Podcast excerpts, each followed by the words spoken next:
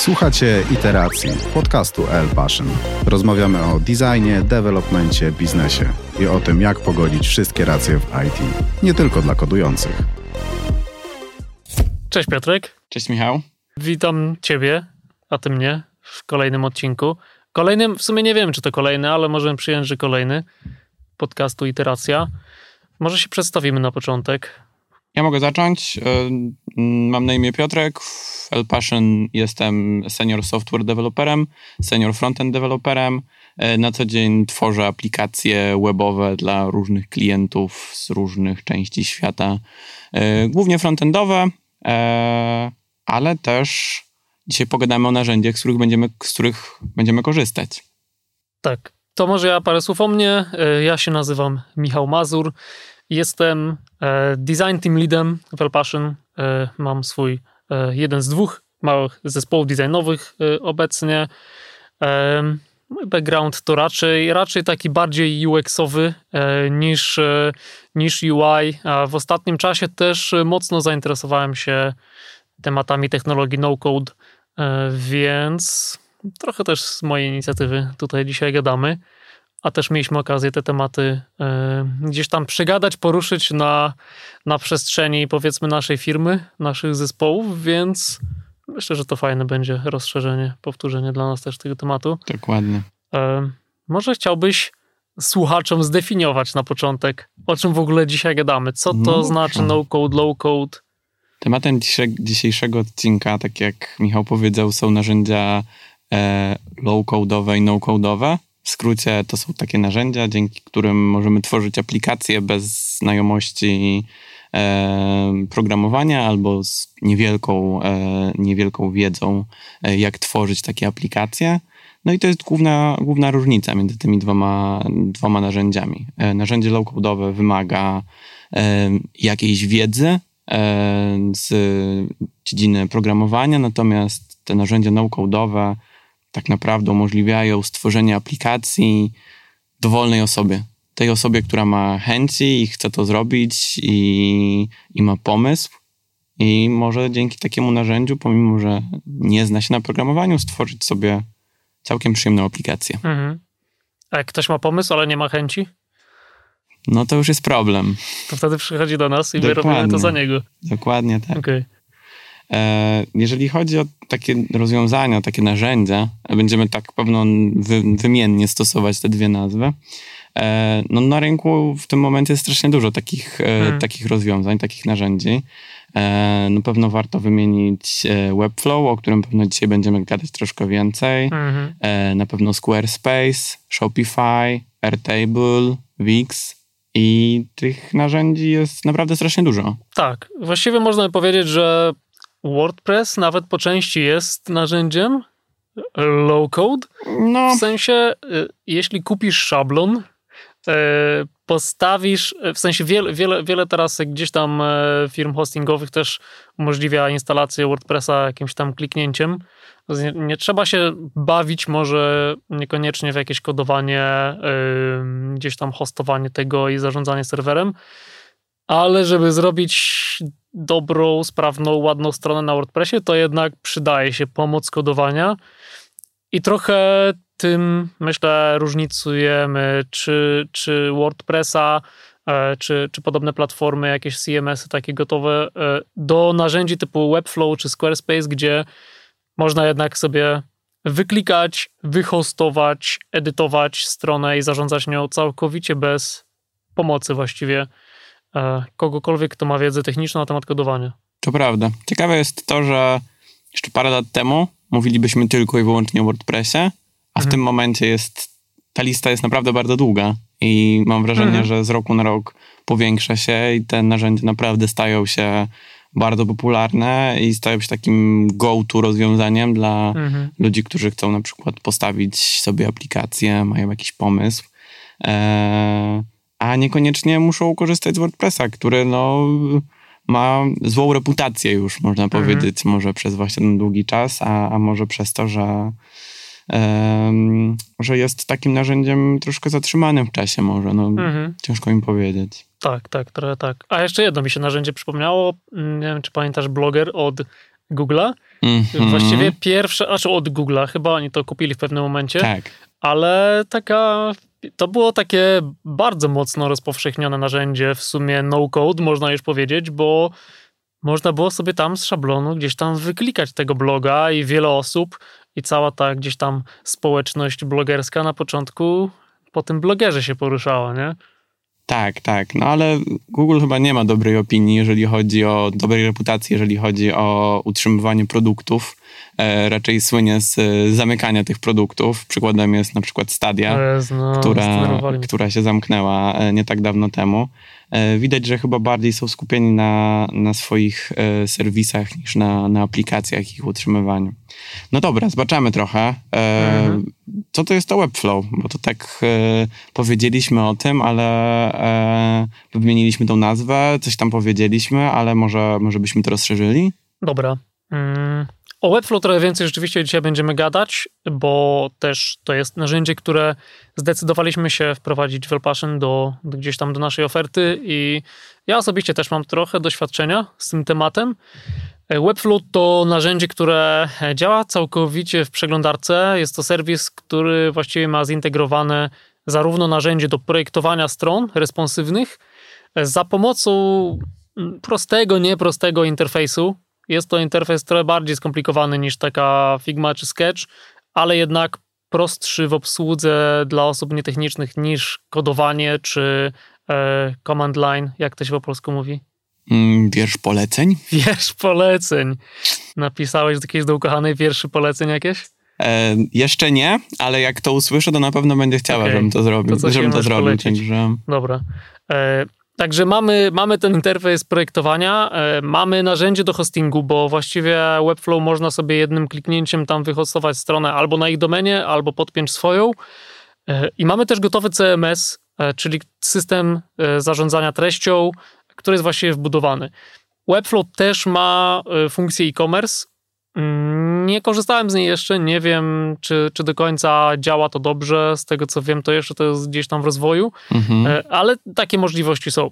Więc to jest kilka narzędzi w jednych, można powiedzieć, a efekt końcowy jest taki, że osoba nietechniczna może sobie zaprojektować według swojej fantazji stronę, opublikować ją w necie, z, albo za pomocą hostingu Webflow, albo wyeksportować w postaci statycznych stron i sobie hostować gdzie indziej. Więc właściwie można sobie wyklikać stronę w skrócie okay. powiedziawszy. Świetnie to brzmi, ale czy to oznacza, że zostaniemy jako designerzy i deweloperzy lada moment bez pracy? Bo Być takie może. narzędzia przejmą, przejmą nasz, naszą funkcję? Co o tym myślisz? No, wiesz co, jak y, y, Webflow z pudełka, czy tak jak patrzysz sobie na tą stronę, to wygląda, wygląda fajnie i prosto. Jest tam trochę niuansów.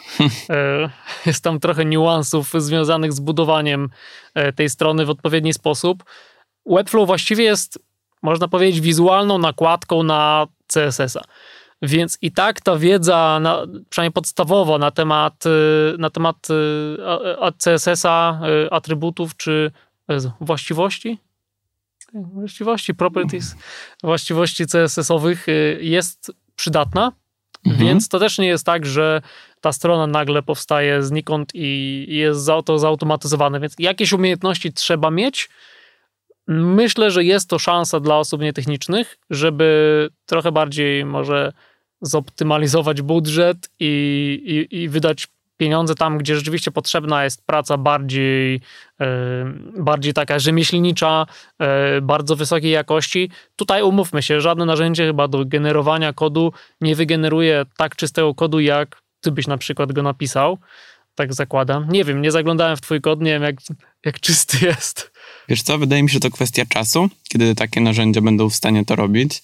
E, ja generalnie zgadzam się tutaj z tobą, że, że mm, narzędzia typu no-code, low-code, one nas jakby nie wygryzą, e, nie wygryzą nas, nas, nas z rynku. E, raczej będziemy je stosować jako, jako taki wspomagacz e, do tworzenia aplikacji, no bo nie oszukujmy się, tych aplikacji w życiu tworzymy sporo i nie ma sensu wynajdywać koła od nowo, pisać kolejny raz e, ten sam przycisk, kolejny raz pisać ten mhm. sam formularz. E, jeżeli możemy wykorzystać takie narzędzie, to, to, to fajnie, fajnie, wykorzystajmy to, przyspieszmy swoją pracę i skupmy swój, swój czas na, e, na pisaniu logiki, na pisaniu jakichś bardziej zaawansowanych rzeczy, które wymagają mhm. um, jakiejś akcji, jakiejś reakcji, jakiejś obsługi danych, jakiegoś um, bardzo specjalistycznego przetworzenia tych danych i, i wyświetlenia do użytkownika. E, jak sobie myślę o tych narzędziach naukodowych, to od razu mi się e, nasuwa na myśl taki troszkę paradoks, nie wiem, czy tak można to nazwać, e, tego narzędzia AI do generowania obrazów. To jest mhm. dość popularne ostatnio. Deli, coś takiego. No i pojawił się taki problem, że możemy sobie w to narzędzie wpisać, żeby na przykład wygenerować obraz w stylu Picassa. I czy to oznacza, że to narzędzie zastąpi w przyszłości e, projektantów, e, malarzy, artystów? E, moim zdaniem nie i podobnie jak w tych narzędziach naukodowych, to po prostu będzie narzędzie. To będzie hmm. kolejne narzędzie, z którego oni będą korzystać i z którego będą po prostu e, wspomagać swoją pracę do, do, tworzenia, e, do tworzenia nowych dzieł. I podobnie będzie z tymi narzędziami. Tak, tak. Zresztą no to na tej samej zasadzie, jak masz powiedzmy meble z, z fabryki, masz gdzieś tam IKEA, która jest dostępna i może być, y, może być ładnie zaprojektowana, ale pewnie jakościowo nie dogoni to y, fajnie rzemieślniczo wykonanych mebli, e, czy to z drewnianych, czy jakichś tam innych, bo to jednak no nie będzie, nie będzie ta sama jakość. Nawet jeśli będzie, to jednak przywiązujemy też trochę wartość do takiej rzemieślniczej pracy i tak jak e, obserwowałem e, gdzieś tam w sieci e, chociażby takie frameworki ułatwiające budowanie stron, czy tak jak powstało trochę tych frameworków frontendowych, jak ostatnio nawet mieliśmy okazję dyskutować na temat Google'owego Material Design. Mhm. W pewnym momencie był boom stron, które gdzieś tam podążały za tym frameworkiem, ale w pewnym momencie już widzisz, że to jest material, nie? Nawet jak ktoś bardzo customowo do tego podejdzie, to gdzieś tam jednak widać i brakuje wtedy tego wyróżnika, y, tej, tej unikalności tego produktu. Zgadza się, ale korzystając z takich właśnie rozwiązań, narzędzi, jesteśmy w stanie bardzo szybko zwalidować swój pomysł. Czyli mamy jakiś pomysł na aplikację, jesteśmy w stanie tę aplikację bardzo szybko zbudować, no bo mamy gotowe rzeczy, nie? Mhm. Wystarczy to po prostu pokleić do kupy i wyrzucić. Tak. I bardzo szybko jesteśmy w stanie zwalidować, czy ten pomysł jest sensowny, jak rynek na niego zareaguje. Coś, czego nie wiemy na etapie projektowania aplikacji, czy nawet tworzenia, bo to tak mhm. naprawdę rynek e, później waliduje te, te pomysły, tą naszą pracę.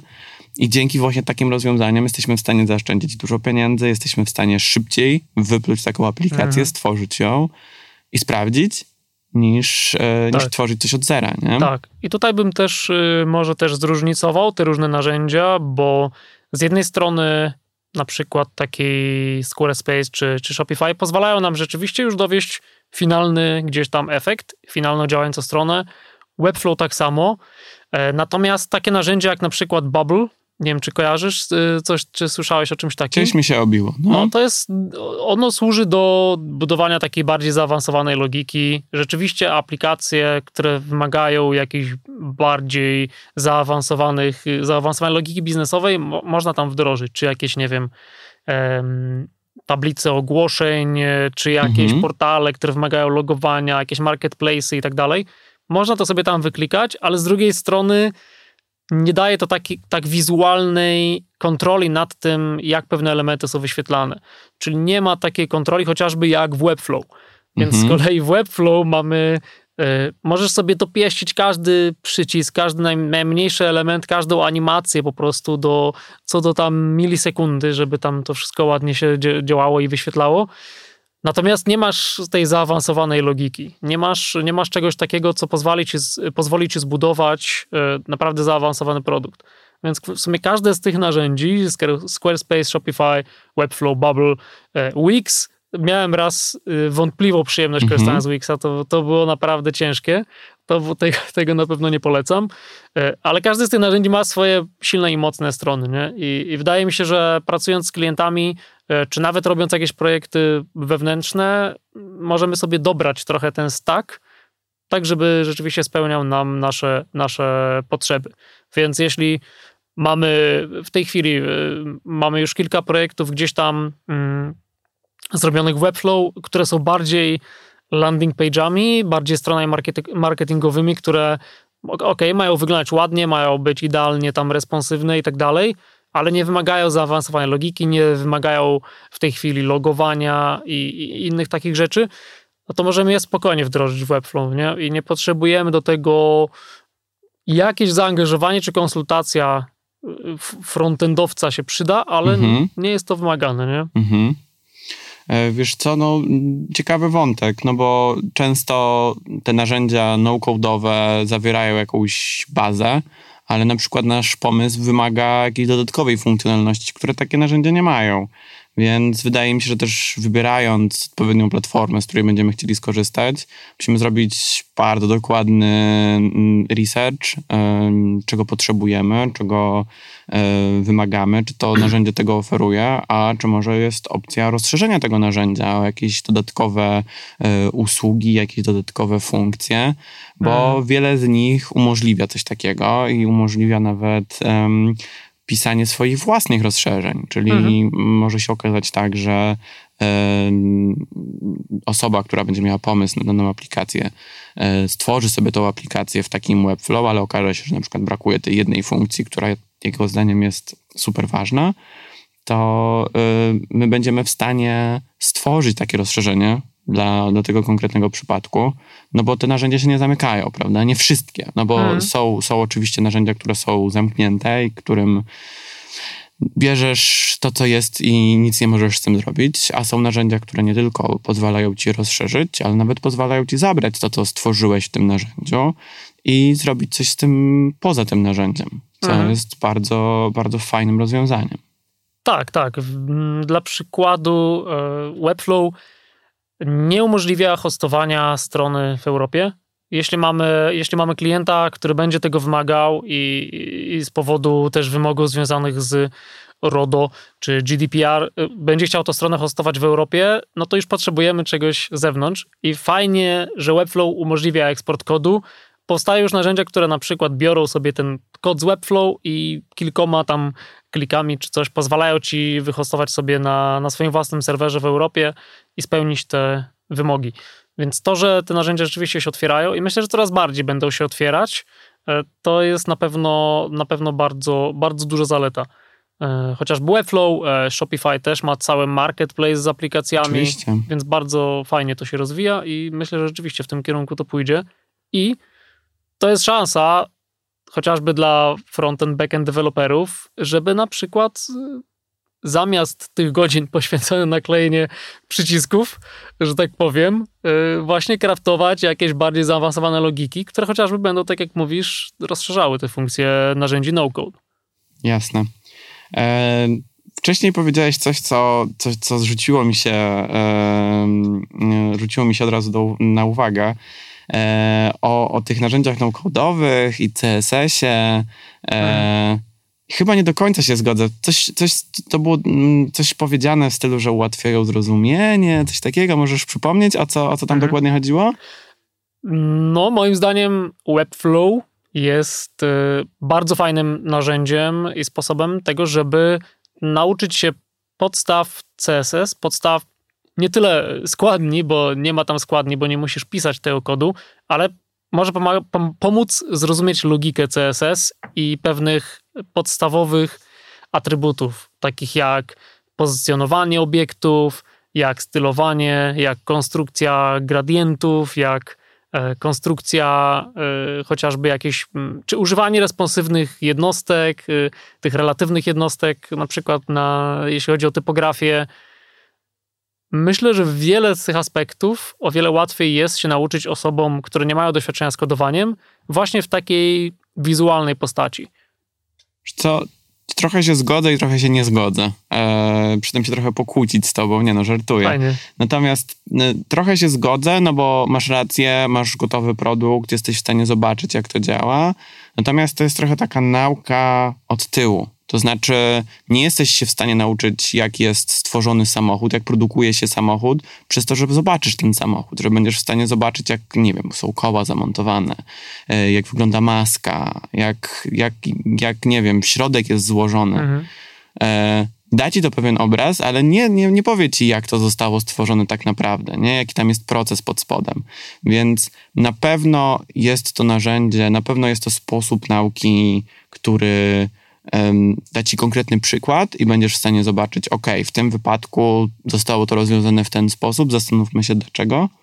Natomiast cały czas uważam, że e, warto jednak znać podstawy, warto rozpocząć, jeżeli, jeżeli wchodzimy w taką przygodę, jeżeli e, zakładamy, że na przykład takie narzędzie no-codowe, którym jest Webflow, które w zasadzie też może być narzędziem low-codowym, bo możemy mhm. wyciągnąć ten kod i możemy tworzyć dodatkowe rzeczy, możemy modyfikować te istniejące rzeczy znając kod, to jeżeli podchodzimy do takiego narzędzia w taki sposób, że ok, to nie jest tylko i wyłącznie narzędzie, które stworzy nam aplikację, ale jakby wypluje nam tą aplikację, a potem będziemy w stanie ją dalej utrzymywać, zmieniać, modyfikować samemu, wtedy, e, wtedy tak, no bo mamy gotowe rozwiązanie, które możemy sobie zobaczyć, jak, jak działa, tak? Mhm, mhm. Okej.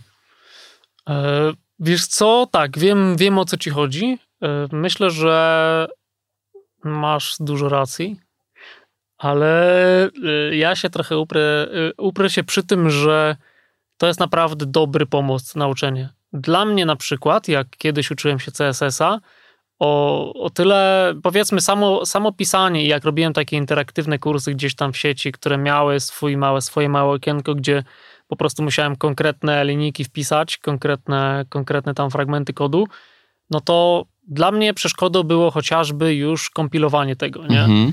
Chociażby to, że jeśli chcę skorzystać sobie z takich technologii jak SCSS, potrzebuję to w jakiś sposób kompilować co powoduje, że muszę nauczyć się podstaw wiersza poleceń, co, co jakby powoduje, że muszę gdzieś tam na jednym ekranie sobie wyświetlać kod, na drugim wyświetlać podgląd tej strony i dookoła tego rośnie y, cała, cały taki zestaw jakichś bardziej skomplikowanych technicznych rzeczy, które dla mnie były trochę przerażające, jak dopiero wchodziłem w ten świat.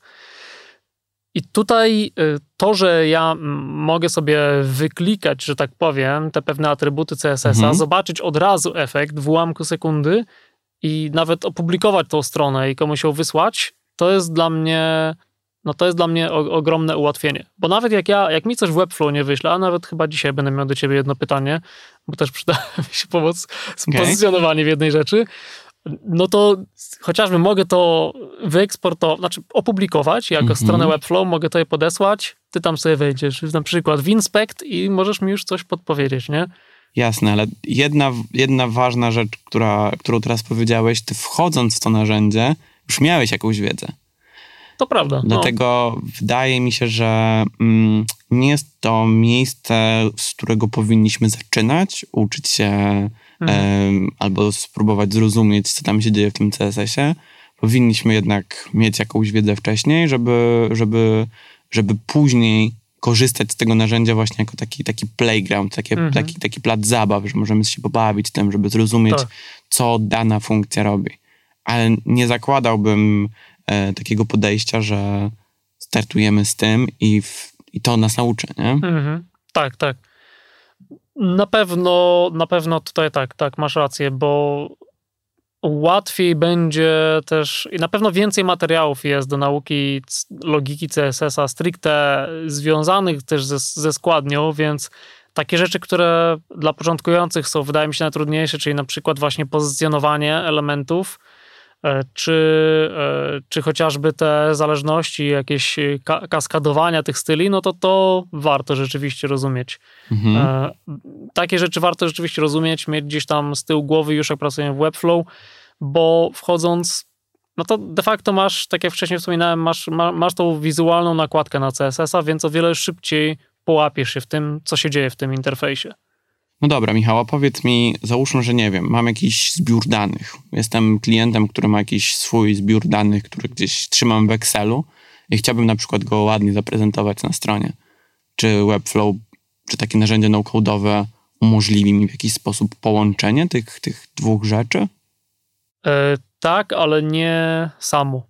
Okay. Będzie trzeba to spiąć za pomocą czegoś, czegoś z zewnątrz. E, jak ja robiłem e, właściwie w komercyjnych projektach do, dosyć, y, dosyć mało tego robiłem, to w prywatnych mi się zdarzało właśnie spinać Webflow e, za pomocą takich narzędzi jak Zapier albo Make z zewnętrznymi bazami danych, chociażby mhm. z Airtable.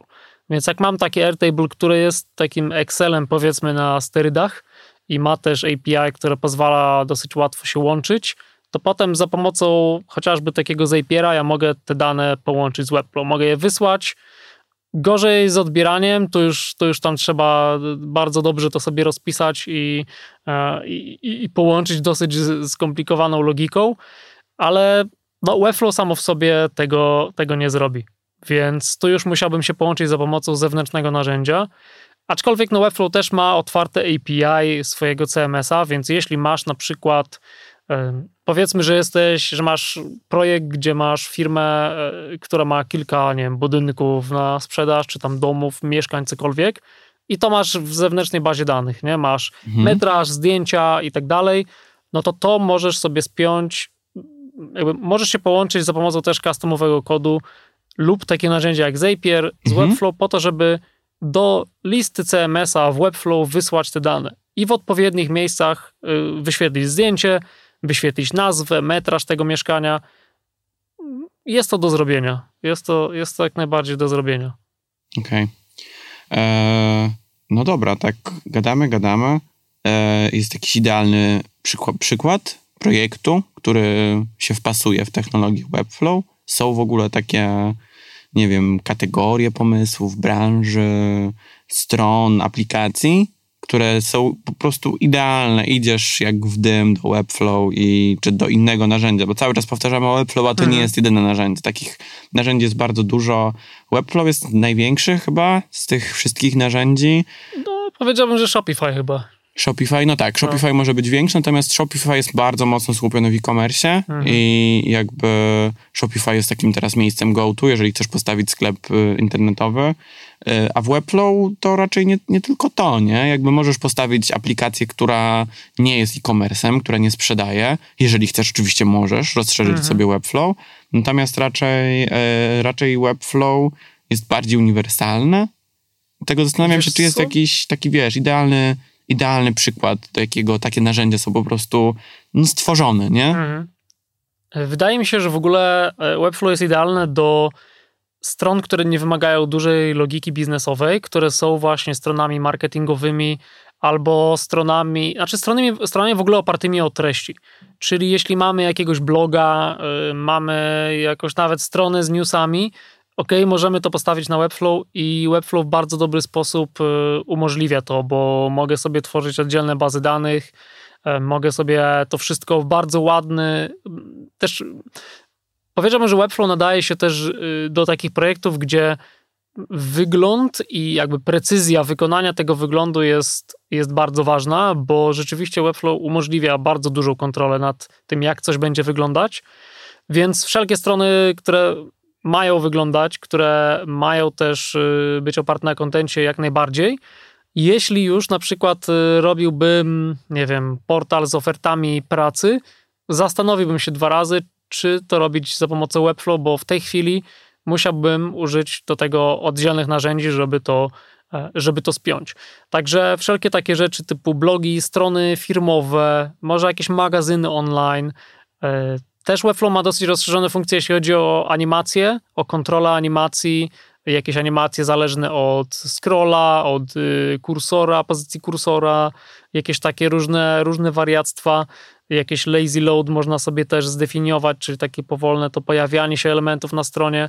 E, w bardzo fajny sposób można to ograć, więc tutaj bym widział dużą, e, duże zastosowanie Webflow właśnie do takich fajnych też animowanych stron.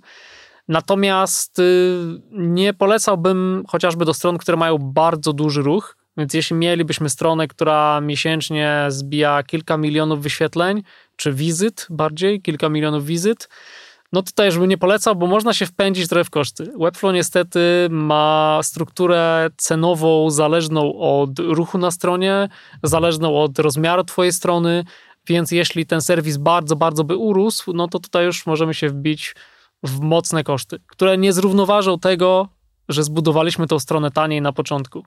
Więc, y, więc tutaj bym rzeczywiście z tym uważał. Wiesz co, to chyba nie jest prawda dla wszystkich tego typu narzędzi, tak jak popatrzymy sobie na wszystkie narzędzia no-code'owe, mhm. bo zobacz na przykład giganta w stylu HubSpot, który jest w stanie naprawdę hostować wielkie aplikacje, które mają gigantyczny ruch mhm. i mimo wszystko, pomimo, że są narzędziami low-code'owymi czy no-code'owymi, w zależności od tego, kto tam z nich korzysta, to jednak są w stanie jakby obsłużyć taką ilość zapytań przy stosunkowo ok kosztach moim zdaniem, mhm. nie? Na pewno, na pewno każde takie narzędzie ma pewien narzut kosztu, tak? No bo nie, nie, nie dochodzi tylko sam koszt, nie wiem, hostingu tej aplikacji, serwerów, no ale dochodzi, to też, dochodzi też opłata za ten serwis, tak? No mhm. oni nie robią tego pro bono, oni też chcą na tym zarobić, więc na, pewno też jest jakaś, e, na pewno tam też jest jakaś e, płatność, nie? Mhm.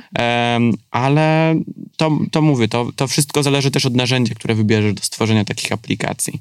Takiego technicznego punktu widzenia na pewno takie narzędzia są w stanie zapewnić bardzo fajne SEO, e, pozycjonowanie strony, no bo mają już pewne takie dobre praktyki wbudowane od samego początku, nie? Nie musimy się zastanawiać, czy ten header ma być H1, H2, H3, mhm. tylko mamy to od razu tam gdzieś zrobione. Mamy wszystkie te takie rzeczy poboczne, które jakieś tam metatagi, nie metatagi, opisy, które są w mhm. łatwy sposób edytowane. To są rzeczy, o których my czasem w trakcie developmentu zapominamy, a tutaj tworząc raz taką aplikację, do, taki, taki serwis jak właśnie Webflow, mhm. jak HubSpot, jak, jak, e, jak Shopify, to jesteśmy od samego początku w stanie przewidzieć, ok, no to ta strona będzie potrzebowała tytułu, opisu i tak dalej, i tak dalej. To wszystko wpływa bardzo pozytywnie na SEO, nie? Więc to, mm. to na mhm. pewno jest kolejna kategoria stron, które, które gdzieś tam, um, pro, czy projektów, które by się nadawały do, do stworzenia. My tutaj też używamy zamiennie słowa strona, aplikacja. Warto powiedzieć, mm -hmm. że chodzi nam o aplikacje webowe, prawda? Czyli to, co, tak, to, tak, co tak. widzimy w przeglądarce. Są również narzędzia, które umożliwiają tworzenie aplikacji mobilnych, ale o tym pewno innym razem porozmawiamy, bo to temat na zupełnie inną i dłuższą mm. rozmowę. Tak. Wracając jeszcze do tych takich rzeczy technicznych, do takiego aspektu technicznego, który na pewno mi się bardzo wybija w e, narzędziach takich właśnie e, no-codowych, to temat integracji z różnego rodzaju analityką. Oni mhm. mając kod źródłowy są w stanie powiedzieć, ok, no jakby możemy tą, tą analitykę zbudować od podstaw, nie? I możemy ją zrobić dobrze. I integracja z tym serwisem może być bardzo prosta, e, gdzie przy w przypadku takich customowych aplikacji pisanych na zamówienie niekoniecznie tak musi to wyglądać. Mhm. E, fajne jest też to, że niektóre takie narzędzia umożliwiają postawienie dwóch środowisk, czyli jedno środowisko produkcyjne, czyli to, co widzą nasi klienci, ale również możemy sobie gdzieś postawić jakieś takie środowisko do zabaw, e, potocznie zwane stagingiem, e, gdzie możemy wprowadzać różnego rodzaju zmiany, sprawdzać, jak to wpłynie na, mm. na wygląd, porównywać sobie te wersje, jak to wygląda, jak to działa. Tak, Więc... plus, plus backup, tak? Czyli większość z tych narzędzi też umożliwia nam zapisywanie historii tego, co było wcześniej i jeśli coś się zepsuje, powrót do, do wersji wcześniejszej, a to się naprawdę przydaje, bo e, szczególnie, szczególnie właśnie w Webflow, gdzie często definiujemy sobie jakieś tam style pewnych elementów, klasy tych elementów, łatwo jest niechcący zepsuć to, co się dzieje na innych podstronach, nie widząc tego, ponieważ zmodyfikowaliśmy jedną z klas, na przykład klasę przycisku głównego, który chcieliśmy akurat tylko na tej stronie, żeby się zmienił, ale niechcący zmieniliśmy go wszędzie. Więc wtedy ten backup, tego typu funkcje też się przydają, żeby gdzieś tam wrócić do poprzednich wersji. No dobra, po powiedzieliśmy o idealnym scenariuszu, teraz pomyślmy o drugiej skali. Mhm. Co jest takim taką czerwoną flagą, która mówi nie, nie, nie, nie, nie, to nie tędy droga. Wiesz co, no nie wchodziłbym w tej chwili, na, na, tym, na tym powiedzmy, na tym etapie, na, na dziś, ja nie czułbym się komfortowo budując y, zaawansowane logicznie y, y, serwisy, aplikacje typu, nie wiem, platformę jakąś społecznościową, czy jakieś takie marketplace'y typu, mm, tak jak są takie narzędzia, które na przykład umożliwiają znalezienie jakichś specjalistów, czy portale typu znany lekarz, nie polegałbym tutaj na Webflow. Bałbym się po pierwsze, że, że gdzieś tam ta, ta skala szybko wymknie się spod kontroli. Dwa, że wiele rzeczy może pójść nie tak przy, przy tak wielu gdzieś tam użytkownikach, a w tej chwili Webflow nawet nie umożliwia z pudełka, że tak powiem, obsługę kont użytkowników. Więc to już trzeba okrywać zewnętrznym narzędziem, więc e, w tej chwili zastanowiłbym się dwa razy nad projektami, gdzie, które też wymagają kontu użytkowników. Mhm. Tutaj bym się bał.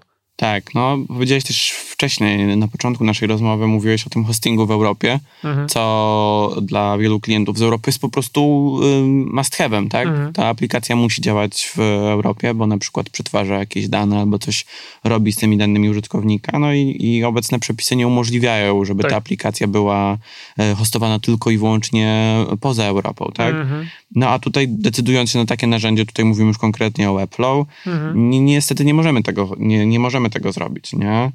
Pomimo, że, e, że w Webflow są również moduły, które mówią o e-commerce, e, to wydaje mi się, że są lepsze platformy, które są w stanie tak. ci wyhostować e, taki sklep. Po pierwsze bardziej rozwinięte, po drugie tańsze.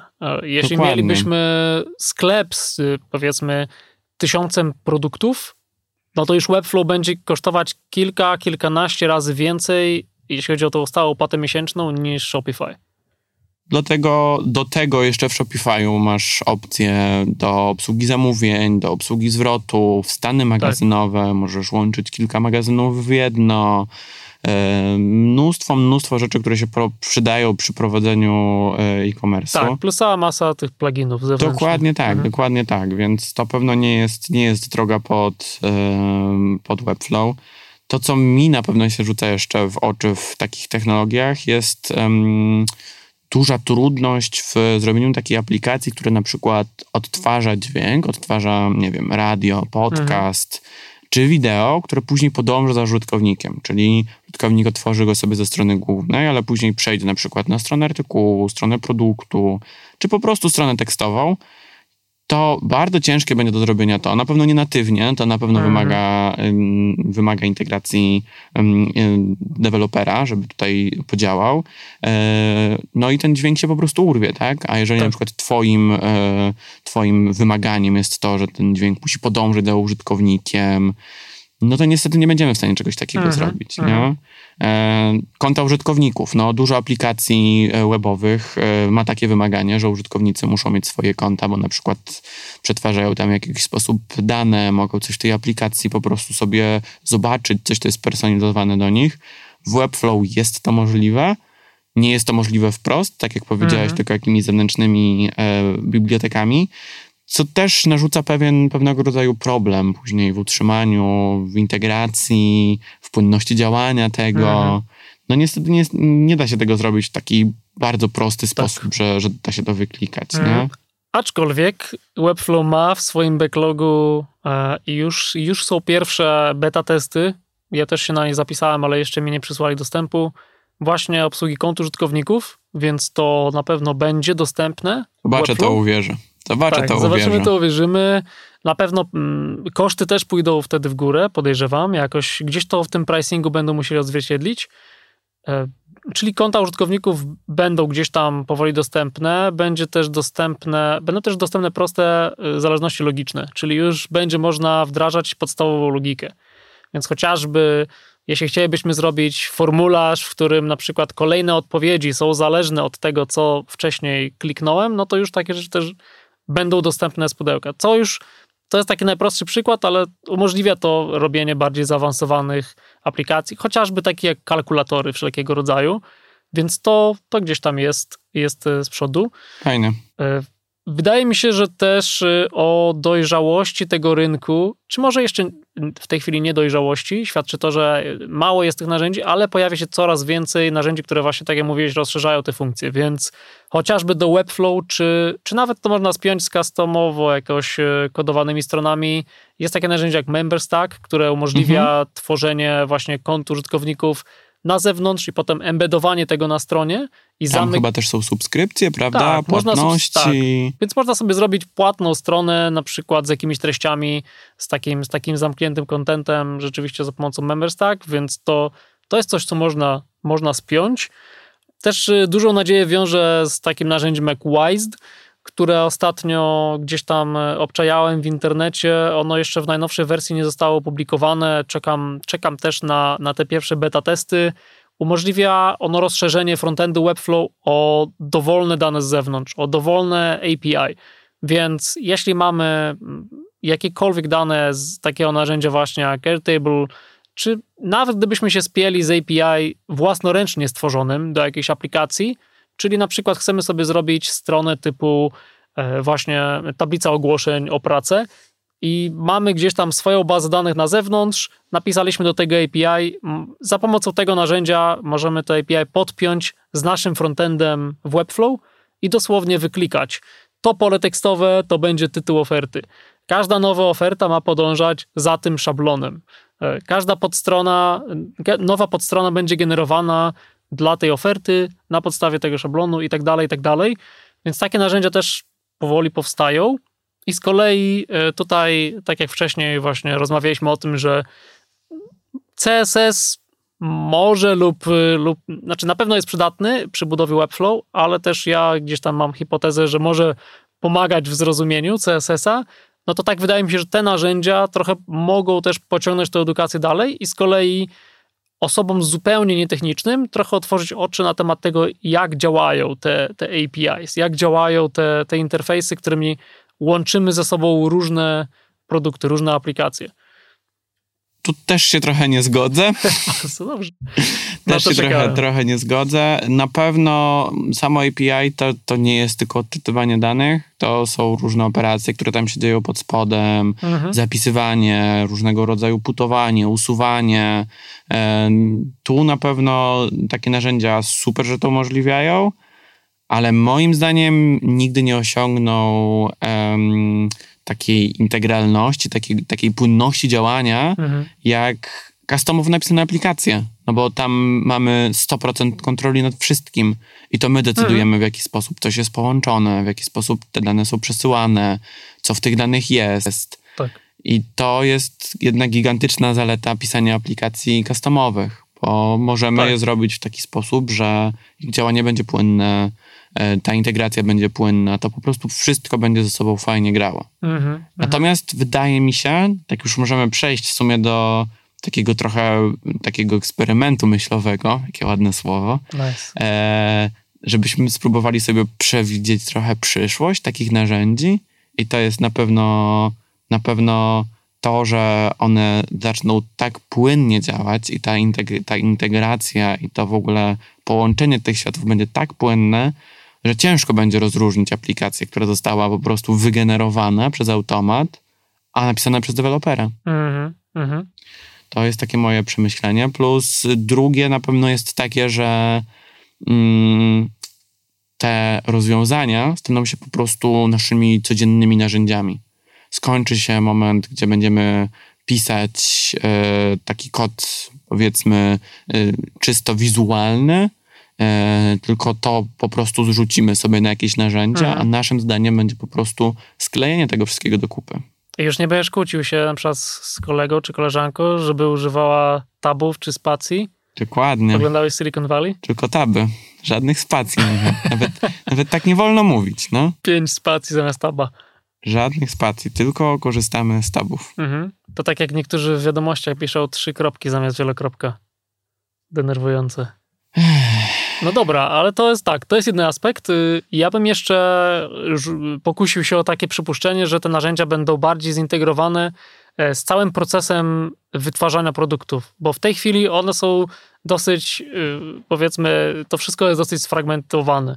Że tak powiem, deweloperzy pisząc customowy kod mają swoje narzędzia, z których większość designerów nie potrafi korzystać. E, I vice versa. O ile Figma, nie powiem, no, jest o wiele łatwiejsza do korzystania niż wiersz poleceń, no to i tak gdzieś tam wymaga jakiejś nauki i, e, jakby obeznania z tymi funkcjami.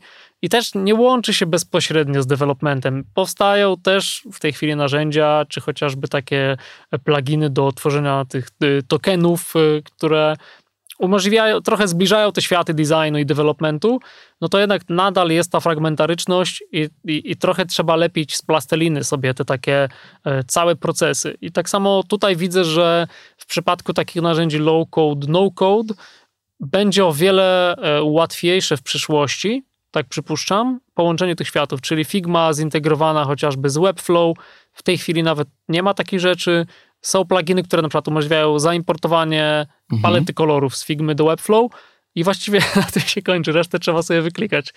E, I tak samo, tak samo dalej. W tej chwili Webflow umożliwia wklejenie kodu, ale nie ma jakiegoś zintegrowanego środowiska do pisania customowego kodu i wydaje mi się, że tutaj też jest, jest luka i jest, y, jest jakby nisza na to, żeby to rozszerzyć, żeby stworzyć to, mm, połączyć trochę ten świat developmentu pra prawdziwego, że tak powiem, e, z tym, z tym właśnie bardziej low-code'owym.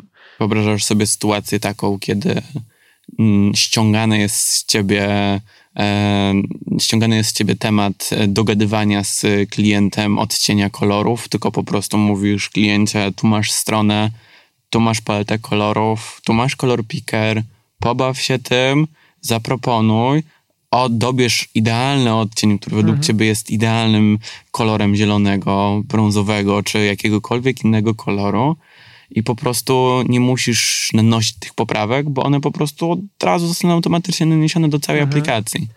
Wiesz co? Z jednej strony tak, z drugiej strony nie, e, bo co jeśli klient wybierze mi jakiś sraczkowaty kolor, który zepsuje mi cały design i będę musiał potem się z tym bawić?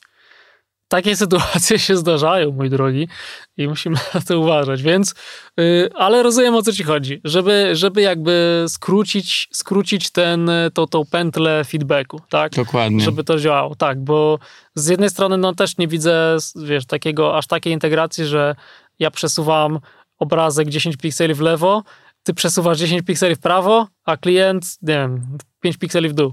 I sobie tak przesuwamy, tak idziemy w kółko gdzieś, gdzieś granice będą, ale mm, możemy też patrzeć na właśnie narzędzia, które chociażby służą do developmentu, który w kwestii cyfrowych produktów jest o wiele bardziej rozwinięty, bo już powiedzmy te, te kilkadziesiąt lat było na rozwinięcie tych narzędzi, więc jak widzisz narzędzia typu właśnie chociażby Jira, Confluence y, czy Git, y, w którym kierunku te technologie się rozwijają, no to w ciągu ostatnich nawet pięciu lat poszły niesamowicie do przodu i wydaje mi się, że to po prostu to samo czeka narzędzia związane z designem czy, czy tworzeniem właśnie bez użycia kodu.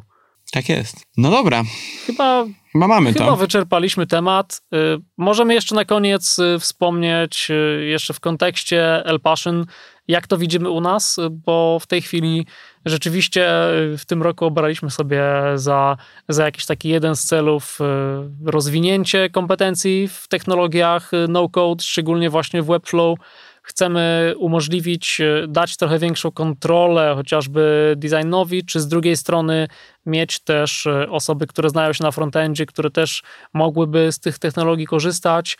Widzimy tutaj duży potencjał dla, dla naszych klientów na właśnie budowanie e, szybsze i, i może bardziej zintegrowane z ich procesami budowanie stron budowanie stron, gdzie właśnie chociażby ten taki CMS, iteracyjny sposób tak, budowania iteracyjny stron. sposób budowania stron, gdzie ja dosłownie wyklikam stronę do 12, a o 13 klient może usiąść i zacząć uzupełniać kontent na tej stronie, bo to umożliwia powiedzmy to narzędzie, z którego korzystamy.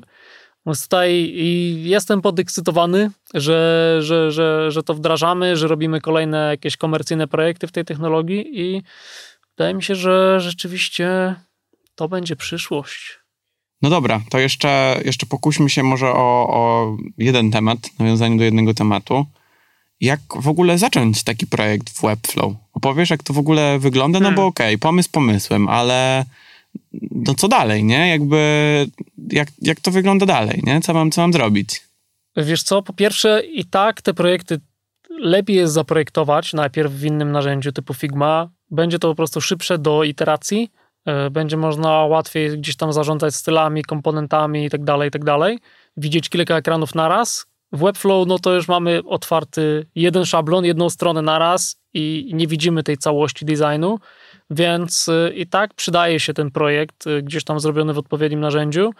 I dalej już albo możemy się pokusić o budowanie tych layoutów od zera, czyli dosłownie wyklikanie sobie każdego przycisku, każdej sekcji, każdego odstępu, albo możemy skorzystać z bibliotek, które w jakiś sposób to przyspieszają, ułatwiają, dają nam mm, powiedzmy taki boilerplate, y, czyli, czyli jakąś podstawę do budowania własnych, bardziej do, dopracowanych komponentów no i właściwie można to wyklikać i właściwie w każdym momencie możesz tą stronę opublikować. Więc nawet jak skleisz sobie samą, nie wiem, belkę nawigacji, możesz tą stronę już opublikować i dać klientowi do feedbacku. Więc, e, więc ten projekt może powstać bardzo iteracyjnie. Potem możemy tą stronę opublikować już na stronie klienta, jak już jest gotowa. Jest ten CMS, gdzie klienci, czy, czy my możemy gdzieś tam uzupełnić content, cały czas tę stronę rozwijać, ale ona może sobie już żyć i możemy ją rozwijać, tak jak wcześniej wspominałeś, z boku, gdzie jest na tym stagingu, a strona docelowa żyje sobie na domenie klienta i, i ma się świetnie i czeka na, na, na wspaniałych klientów. To może pokłócimy się o mały freestyle. Chyba nam się czas w studio skończył. To co? Jakiś bicik? No, freestyle będzie poza kulisami, może, może wyląduje jako bonus gdzieś. Jakiś taki, wiesz, e, backstage, nie? No, następnym razem, następnym razem. Dokładnie. To trzeba zafollowować e, El Passion, trzeba dać lajka na stronie i zostać poinformowanym o takim backstage'u. Dokładnie. I subskrybować ten podcast w swoim ulubionym narzędziu do słuchania podcastów. Dokładnie tak. Dzięki. Dzięki, na razie.